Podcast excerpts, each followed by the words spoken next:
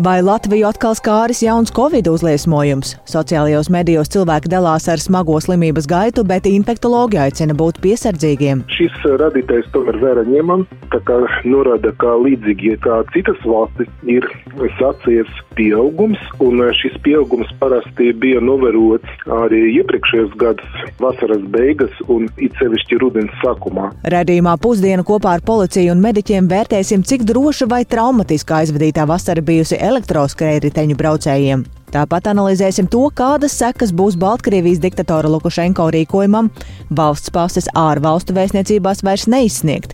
Arī par to jau tūdaļ raidījumā pusdiena.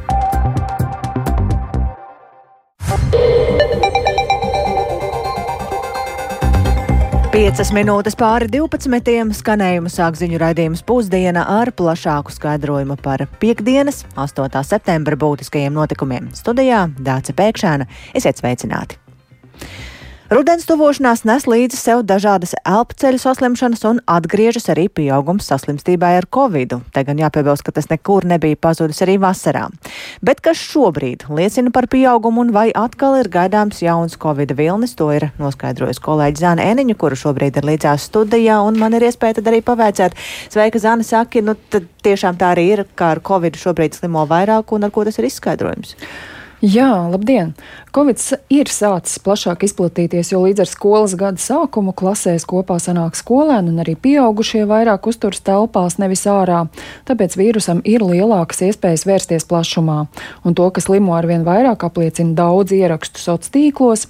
Kādam šķiet, ka nonācis pilnīgi Covid viļņa vidū, nu pat paziņu vidū jau pirmais hospitalizētais, citam jau vairākiem kolēģiem testi pozitīvi. Eh, kaut gan masveida testēšana vairs nenotiek, pacientus testē tikai slimnīcās. Arī slimību profilakses un kontrolas centra apkopotā informācija liecina, ka saslimstība ar covid pašlaik tik tiešām pieaug. Par to pastāstīja SPKC epidemiologs Jurijs Perevoščikovs. Paklausīsimies! Pozitīvu paraugu īpatsvars tagad, eh, zināmā mērā, lielāks nekā bija vasaras mēnešos, vasara vidu. Toreiz mums bija apmēram 6% no visiem paraugiem pozitīvi, un tagad eh, šis radītājs pēdējā novērošanas nedēļā bija sasniedzis 16%, bet tas attiecas uz ļoti, teiksim, relatīvi nenozīmīgu pacientu daudzumu uz kādiem 300 paraugiem, kas nāk no slimnīcām pārsvarā. Bet eh, šis radītājs tomēr vērā ņemam tā kā norāda, ka līdzīgi kā citas valstis ir sācies pieaugums, un šis pieaugums parasti bija novērots arī iepriekšējos gadus vasaras beigas un it sevišķi rudens sākumā. SPKC epidemiologs Jurijs Perivošķikovs minēja arī to, ka pieaug covid pacientu skaits slimnīcās. Tas nav liels, bet acīm redzams. Ja vasaras vidū slimnīcās ārstējās vidēji 14 pacientu nedēļā, pagājušajā nedēļā šis skaits ir dubultojies, sasniedzot 28. Un trešais lielums, ko uzrauga slimību profilaks un kontrolas centrs, ir Covid vīrusu koncentrācija notekūdeņos. Šie dati liecina, ka joprojām situācija ir relatīvi mierīga, pagaidām nekas neliecina, ka koncentrācija paaugstinājusies, bet, kā uzsvēra Jurijs Perevošķikovs, ir tikai pats septembra sākums.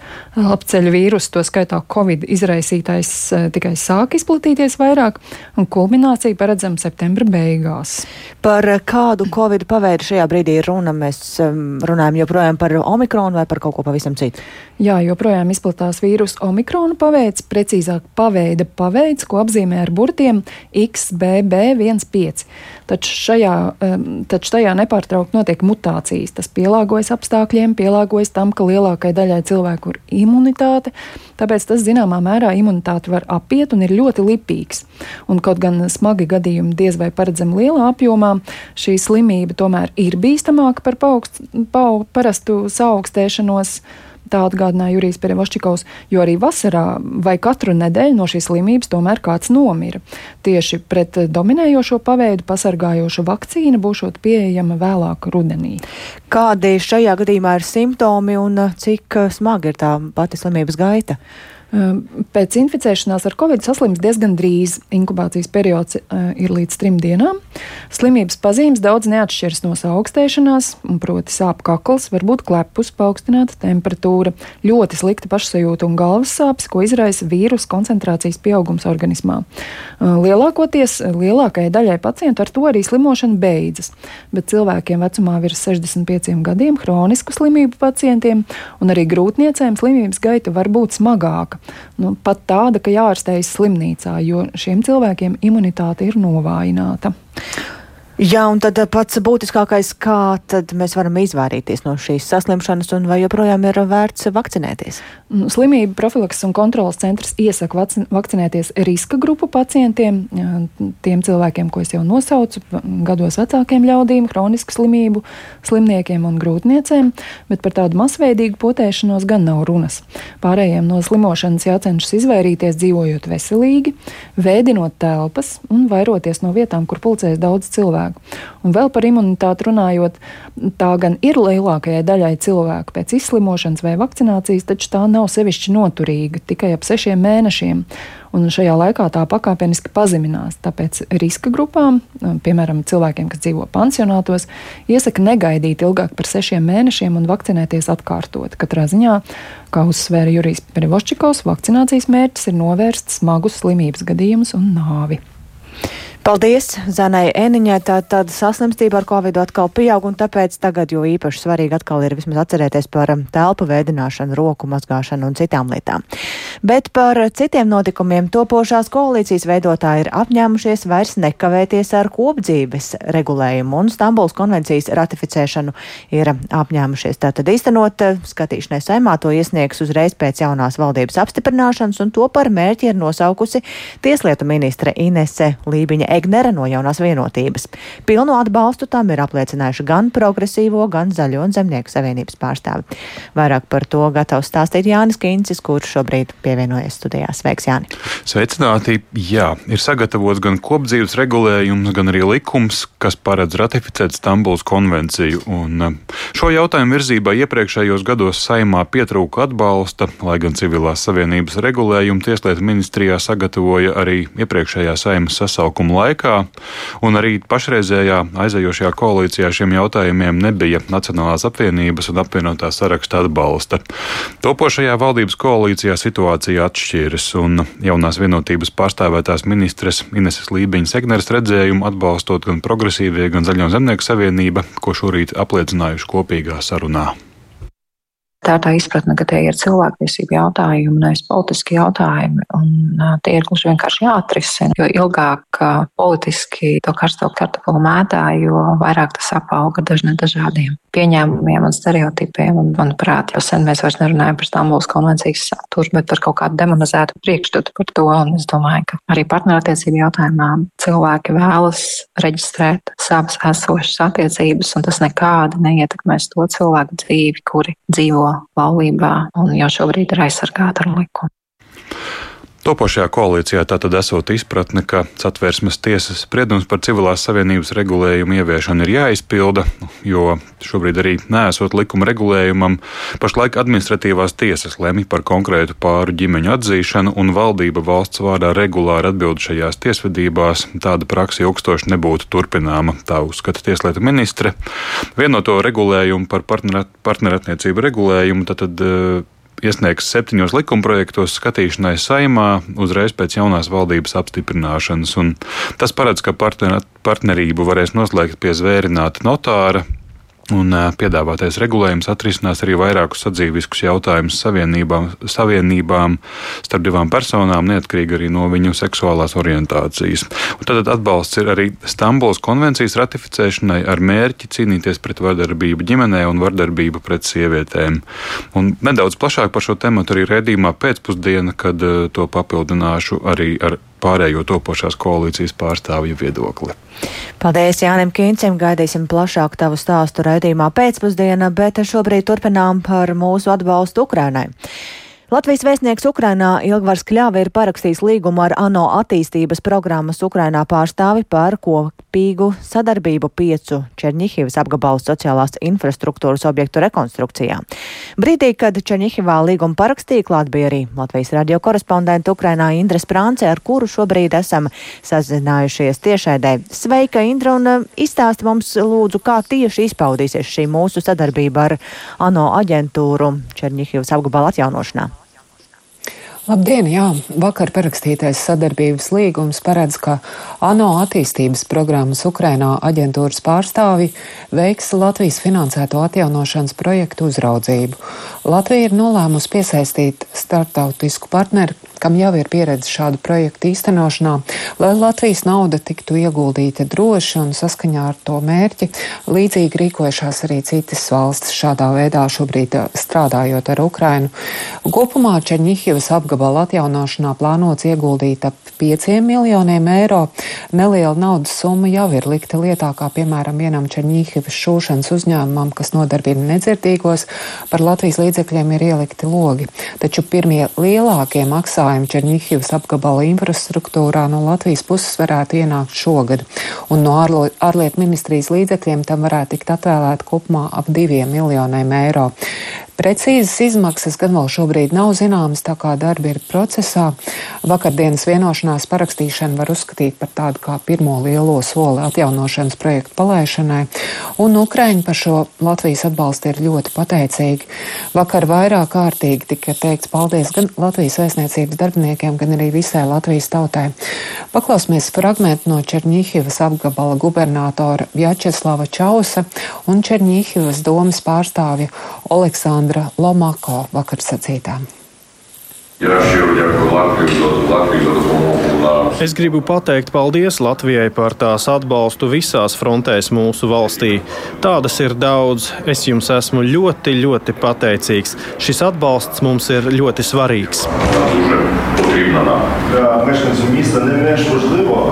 Iedzīvotājiem nemazāk svarīgs ir morālais atbalsts, apliecinājums tam, ka mēs neesam vieni šajā kaujā, cīņā par mūsu kopīgām vērtībām, brīvību un demokrātiju. Un šogad par Latvijas līdzekļiem plānots atjaunot piecus objektus, no kuriem finansiāli ietilpīgākais varētu būt ēdināšanas bloks Černihivas reģionālajā bērnu slimnīcā, kuru mēs vakar arī apmeklējām. Tā ir apgabala centrālā bērnu slimnīca, kur palīdzību iespējams sniegt vienlaikus vairākiem simtiem bērnu, un arī šī slimnīca bērni smagi cieta Krievijas uzbrukumos. Pavasarī, martā tā arī ilgāku laiku stāvēja bez elektrības, siltuma un ūdens, bet ēdināšana ēdināšanu varēja nodrošināt tikai tāpēc, ka viņiem pašiem bija uz vietas virtuve, kur to mm, ēdienu pagatavot. Un tagad šo atsevišķo virtuves bloku par Latvijas līdzekļiem plānots atjaunot. Un papildus tam Čerņihivas apgabalā plānot mazāk atjaunošanas darbi, arī divos bērnu dārzos un divos licejos.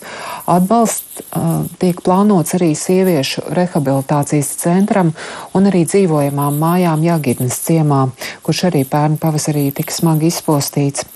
Un, um, Latvija nav vienīgais starptautiskais partners, kas atbalsta Čerņīhivas apgabalu. Arī daļā to objektu, kur mēs tagad iesaistamies, ir arī citu valstu un organizāciju ieguldījumi. Katrs dara, ko var un kā var. Un, uh, apmeklējot Černīhivu, kā vakar atzina Latvijas vēstnieks Ukrainā Ilgvars Kļava, temps, kādos Černīhiva atkopjas šobrīd no smagajiem uzbrukumiem, kā visu atjauno, ir patiešām iespaidīgs.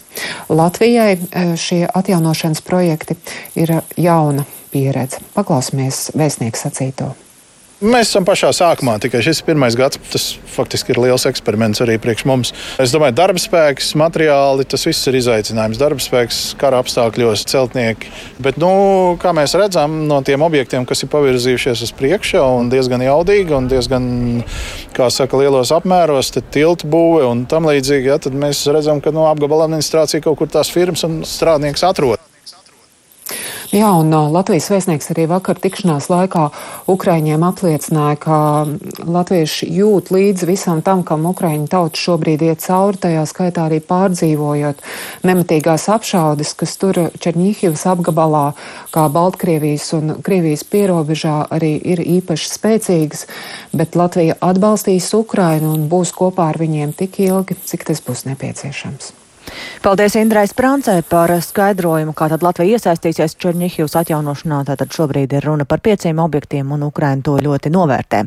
Savukārt nosodījumu no ASV un Eiropas Savienības puses ir izpelnījies Baltkrievijas vadītāja Aleksandra Lukašenko un dēļ izdotais rīkojums pārtraukt pasu izsniegšanu valsts diplomātiskajās pārstāvniecībās ārzemēs. Un tas nozīmē, ka turpmāk Baltkrievija varēs saņemt jaunu pasi tikai savā pēdējā oficiālajā dzīvesvietā Baltkrievijas teritorijā. Tā ir Lukašenko režīma pēdējo gadu stingrākā vēršanās pret ārvalstīs dzīvojošajiem Baltkrieviem. Baltkrievijas opozīcijas līderis Vjatlanas Cihanovskas komanda strādājot pie tā, lai ārvalstīs dzīvojošie Baltkrievi varētu saņemt alternatīvas dokumentus un vairāk par to stāsta Uldis Česberis. Vakar spēkā stājās Baltkrievijas vadītāja Aleksandra Lukašenko pirmdien parakstītais rīkojums, kas paredz, ka turpmāk Baltkrievijas vēstniecības un konsulāti nevarēs izdot pilsoņiem jaunas pases vai pagarināt esošās. To varēs izdarīt tikai Baltkrievijā. Rīkojums arī nosaka, ka Baltkrievijas diplomātiskās pārstāvniecības vairs neizsniegs un neapstiprinās dzimšanas un laulības apliecību, kā arī augstākās izglītības diplomu kopijas. Šie dokumenti ir nepieciešami ārzemēs, lai pretendētu uz tiesībām tur dzīvot, iegūt darbu un sūtīt bērnus izglītības iestādēs. Ar šo rīkojumu Lukašenko var būtiski ierobežot dzīvi tūkstošiem Baltkrievijas pilsoņu, kuri ir pametuši dzimteni baidoties no iespējamām režīma represijām. Trimdā dzīvojošā Baltkrievijas opozīcijas līderes Jatlana Cihanovska paziņoja, ka šādi Lukašenko režīms atriebjas saviem oponentiem un izdara spiedienu uz valstīm, kurās viņi ir guvuši patvērumu. Politiķi arī aicināja tautiešus neatgriezties Baltkrievijā, lai saņemtu jaunus dokumentus, jo tādējādi viņi apdraud savu drošību. Cihanovskas veidotā Baltkrievijas trījumdas valdība izstrādā jaunas pases, kuras nākamā gada sākumā varētu saņemt ārvalstīs dzīvojošie Baltkrievi. Cihanovskas vecākais padomnieks Franaks Vjačorka atzina, ka jaunu Baltkrievijas pasu izsniegšana un to starptautiskā atzīšana nav viegls uzdevums. Mēs nepretendējam uz to, ka šis dokuments iegūs valsts pases statusu, bet gan personu apliecinoša dokumenta statusu, lai tajā varētu ielīmēt vīzas, un to varētu izmantot, lai saņemtu uzturēšanās atļaujas. To mēs varam panākt. Этого мы добиться можем. Cihanovska šodien savos sociālajos tīklos paziņoja, ka Lietuvas ārlietu ministra vietnieks Arnolds Abramovičs viņai ir apliecinājis, ka Lietuva arī turpmāk izsniegs uzturēšanās dokumentus Baltkrieviem, kuru pasēm būs beidzies derīguma termiņš. ASV valsts departaments paziņoja, ka Lukašenko režīma mērķis ir sarežģīt ārzemēs dzīvojošo Baltkrievijas pilsoņu dzīvi, kā arī atriepties tūkstošiem Baltkrievu, kuri bija spiesti bēgt no savas valsts. Eiropas Savienības pārstāvis Peters Stano paziņoja, ka Lukašenko režīms pilnībā ignorē Baltkrievu pamattiesības un piebilda, ka šādi režīms cenšas piespiest emigrantus atgriezties Baltkrievijā, kur viņus iespējams gaida represijas. Pirms turpmāku lēmumu pieņemšanas Eiropas Savienībai ir jāsaprot, kādas praktiskas sekas Minskas lēmums radīs Eiropā dzīvojošajiem Baltkrievijas pilsoņiem, norādīja Stano Uldis Česberis, Latvijas radio. Un atgriežamies pašmājās. Policijas dati liecina, ka elektroskai riteņi ceļu satiksmes negadījumos šogad ir iekļuvuši mazāk nekā pērn. Savukārt mūsu uzrunātās slimnīcas norāda, ka cietušo skaits joprojām turpina pieaugt. Kāda ir tā šā brīža situācija ārstu un policistu vērtējumā un vai to varētu mainīt jaunā kārtība, kas attiecas uz elektroskreditiņiem un uh, kas ir stājusies spēkā šomēnes. To ir gatavs pastāstīt kolēģis Viktors Demīrovs, kurš šobrīd ir um, studijās. Sveiks, Viktor! Kāda tad tā situācija šobrīd ir? Jā, sveicināti. Nu, es teiktu, ka cilvēki ātri brauc, ātri pagriežas, uh, nobremzē pēdējā brīdī, un Rīgas ielās ir manīti arī pārgalvīgi jaunieši, kuri uz elektroskrējētiņa pat brauc divatā. Un uh, uzrunātie tad ārsti slimnīcās norāda, ka tā situācija ar cietušiem kļūst arvien krietni smagāka. Es uh, sazinājos ar traumatoloģijas un ortopēdijas slimnīcu, kuras teica, nu, ka šovasar dienā tie ir kādi 7, 10 pacienti, uh, un kādreiz arī ir pat 3, 4 pacienti nedēļā, kuriem ir jāst, kurus ir jāstacionē un jāoperē.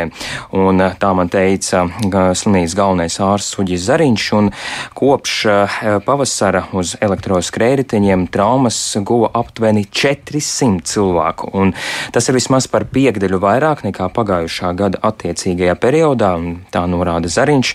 Un, Kopumā viņš arī saka, ka tā no, no visām traumām tieši ar, uh, uz elektroskrējriteņa, ja mēs paraugāmies, tad tie ir kādi 10% no visām traumām. Respektīvi, nu, pēc viņa teiktā, tā ir ļoti liela daļa no visa kopumā. Un uh, ārsti arī novēro, ka daudzi cietušie neatzīst, ka nu, traumu guvuši braucot ar elektroskrējriteni, iespējams vainīgs ir alkohols, iespējams vēl kāds, un tad ja tā ir tikai tā aizbarga redzamā daļa tie 400 mm. tie negadījumi. Ja. Bet un, varbūt par to, tad, eh, kas tad vispār ir izdarīts to, nu, lai šo traumu būtu mazāk un tas būtu drošāk? Jā, jā, un lai trauma būtu mazāk, protams, aktīvāk kontrolē policija, un kopš septembra ir jauns arī noteikums, ka ar šiem rīkiem var pārvietoties tikai, ja ir uh, vadītāja tiesības. Tātad, respektīvi, vai uh, velotiesības vai autovadītāja tiesības, un uh, policija šajās dienās pirmajās ir fiksējusi 14 pārkāpējus, kuriem tiesību nebija, un vairums no tiem bija pilngadīgie. Desmit gadījumos likumsargi izteica brīdinājumu, bet četros piemēroja naudas sodu. Un tad es mēģināju sazināties un arī sazinājos ar vienu no lielākajiem uzņēmumiem Bolt, kas piedāvā šādu pakalpojumu pārvietoties ar elektroskrējriteņiem, un kā sistēma vispār darbojas, un kā viņi pārliecinās, vai lietotājiem ir tiesības vai nav. Uh, man atbildēja izvairīgi, sakot, ka galīgo lēmumu pieņem varas iestādes, no kurām pat labam gaida detalizētus norādījumus par tālāko rīcības plānu. Un mēs arī paši Latvijas radio, es domāju, izmēģinājām pāris lietotnes mobilās un novērojām, ka nu, tie uzņēmumi tiesības nu, neprasa mm. uzrādīt. Tā, Bet tā, tā interese arī nav mazinājusies šobrīd, vai to pagaidām uzņēmumu neatklāja? To pagaidām, jā, tas, tas, tas, tas jau ir mazliet cits, cits temats galvenais ir par to, lai cilvēki būtu drošībā, bet arī tas, ka šie uzņēmumi piedāvā tikai 18 gadi, gadus sasniegušiem, vismaz ir 18 gadi. Jā, paldies eh, Viktoram Damidovam. Um, tavu reportāžu tad gaidīsim eh, vēlāk raidījumā pēcpusdiena, bet šajā brīdī pievērsīsimies vēl basketbolistam, eh, basketbolam. Un pēc uzvaras pār Itāliju jau tagad varam droši teikt, ka esam pasaules labāko sešniekā bet rīt ir iespēja vēl cīnīties par piekto vietu, un mūsu pretinieks Latvijas vīriešu basketbola izlasē būs neviens cits kā kaimiņi lietuvieši. Un par to parunāsimies ar kolēģi Māri Bergu, kurš ir pievienojies tiešaidais sveiks Māri, un vispirms par šodienu. Divas dienas pēc kārtas mums ir bijušas saspringtas spēles. Šodien mūsu izlasē beidzot brīvdiena. Tas nozīmē, ka ir iespēja atjaunoties. Jā, sveika, Dārcis, sveicināti klausītāji. Izlasē šodien tiešām ir nomināla brīvdiena, spēļu nav, taču mūsējie, protams, nesēž rokas klēpī salikuši izlase. Tāpat ir izkustējusies arī spēlētājiem daudz dažādu pienākumu. Medicīniskais personāls ļoti intensīvi strādā, lai basketbolis labāk atjaunotos, jo paši spēlētāji vakar pēc spēles pret Itāliju atzina, ka pirmajā puslaikā trūcis svaiguma un enerģijas. Nu, arī treneri neapšaubāmi gatavo materiālu par Lietuvas izlasi un jau šovakar pēc vietējā laika spēlētājiem būs pirmā video sesija, analizējot pretinieku spēles stilu un to, kā viņi šajā pasaules kausā ir spēlējuši. Tāds, nu jā, ko mēs varam teikt par rītdienas spēli? Nu, cik liela nozīme ir tam, ka mēs spēlējam nu, par piekto vietu pasaulē, vai arī nu, tam, ka mūsu pretinieki ir neviens cits kā kaimiņu lietuvieši? Šie abi apstākļi ir pietiekoši labs motivators, jo spēlēšana pasaules kausos Latvijai nebūtu nav ikdiena pretstatā tiem pašiem lietuviešiem, kas piedalās teju visos lielajos basketbola turnīros, tajā skaitā pasaules kausos, olimpiskajās spēlēs un tā tālāk. Mūsējiem šī ir pilnīgi jauna pieredze un iespēja iegūt piekto vietu pasaulē nerodas tik bieži. Paši spēlētāji arī uzsver, ka ir motivēti turnīru pabeigt ar uzvaru, it īpaši, ja spēle ir pret Lietuvu. Tur vispār nebūtu jābūt kādām šaubām par motivāciju abās pusēs. Vēlreiz mūsēji vēlēsies ierādīt vietu lietuviešiem, un arī Lietuva grib piebremzēt latviešus, atgādinot, kurš tad īsti ir saimnieks Baltijas basketbolā. Lietuviešu līderis Jons Valančūns pēc vakardienas spēles uzsvēra, ka abas komandas spēlē par piekto vietu atdos visus spēkus, kas vēl palikuši. Klausāmies Jonu Valančūnu. Really Viņi spēlē ļoti labu basketbolu, un šajā pasaules kausā Latvija ir pierādījusi, ka tā ir ļoti spējīga, stipra komanda. Tā noteikti nebūs viegla spēle. Tāpat kā mēs, arī latvieši cīnās par savu valsti un visus spēkus atstāja laukumā. Viņi nepadosies. Tā būs interesanta spēle, interesants pretinieks, un mēs cīnīsimies. Matchup, fun game. You know, Tālāk viens no Lietuvas izlases līderiem Jauns Valančūns, un nu, beig beigās pietiek paskatīties uz lietuviešu panākumu sarakstu. Trīs olimpiskās bronzas, trešā vieta 2010. gada pasaules kausā, 2003. gada Eiropas čempioni, un lietuviešiem kopumā piecas Eiropas čempionātu medaļas kopš neatkarības atgūšanas. Latvijai basketbolā nekā tāda nav, pat ne tuvu. Savstarpējo spēļu vēsture Lietuvai arī labāka, 27 spēlēs mums tikai 9 uzvaras, un lielajos turnīros ar Lietuvu sanācis uzspēlēt tikai Eiropas čempionātos. Tur vienīgā uzvara pēdējo 30 gadu laikā padevās 2001. gadā. Pēdējās divas spēles Eiropas čempionātos 2013. un 2015. gadā toreiz uzvarēja Lietuva. Protams, daudz pārbaudas spēļu starp abām valstīm. Pēdējā no tām vēl dažas dienas pirms pasaules kausa lietuvieši Taivānā sagrāva Latviju. Tāpēc motivāciju meklēt te nevienam nevajadzēs ne mūsu, ne arī viņu pusē. Dāce. Paldies Mārim Bārgam, tas tātad par mums pašiem, bet es tikai piebildīšu, ka vēl šobrīd Šobrīd ir pusfināls un jau tagad notiek Serbijas un Kanādas spēle. Šobrīd rezultāts Serbijai 31, Kanādai 23. Turpināsim sekot līdz gan finālam, gan arī mūsu pašu sniegumam, bet šobrīd izskan raidījums pusdiena, ko veidoja producents Kārlis Dagilis, ierakstus montēja Renāša Teimanis, par labskaņu rūpējās Regīna Bieziņa un ar jums sarunājās Dāca Pēkšēna.